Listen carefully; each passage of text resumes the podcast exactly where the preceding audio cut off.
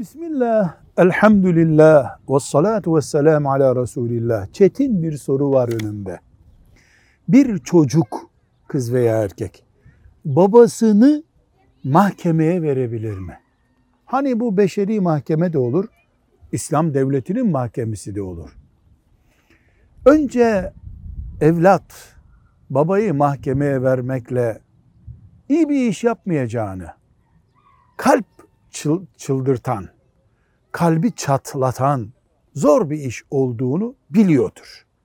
Ama bir, muhtaç bir çocuk baba nafakayı vermiyor ve babanın imkanı var. Bir. İki, baba evladın, çocuğun arsasına, arabasına, dükkanına el koymuştur. Çocuğu mağdur ediyordur.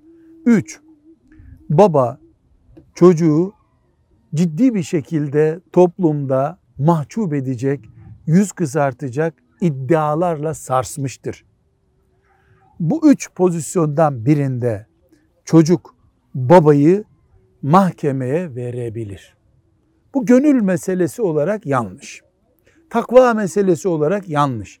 Ama şeriatın hükümran olduğu bir sistemde kullar Allah'ın önünde eşit oldukları için maddi haklar konusunda evlat böyle bir hak talebinde bulunabilir. Şu kadar ki fukaha çocuğu yüzünden babanın hapse girmesine izin vermiyorlar.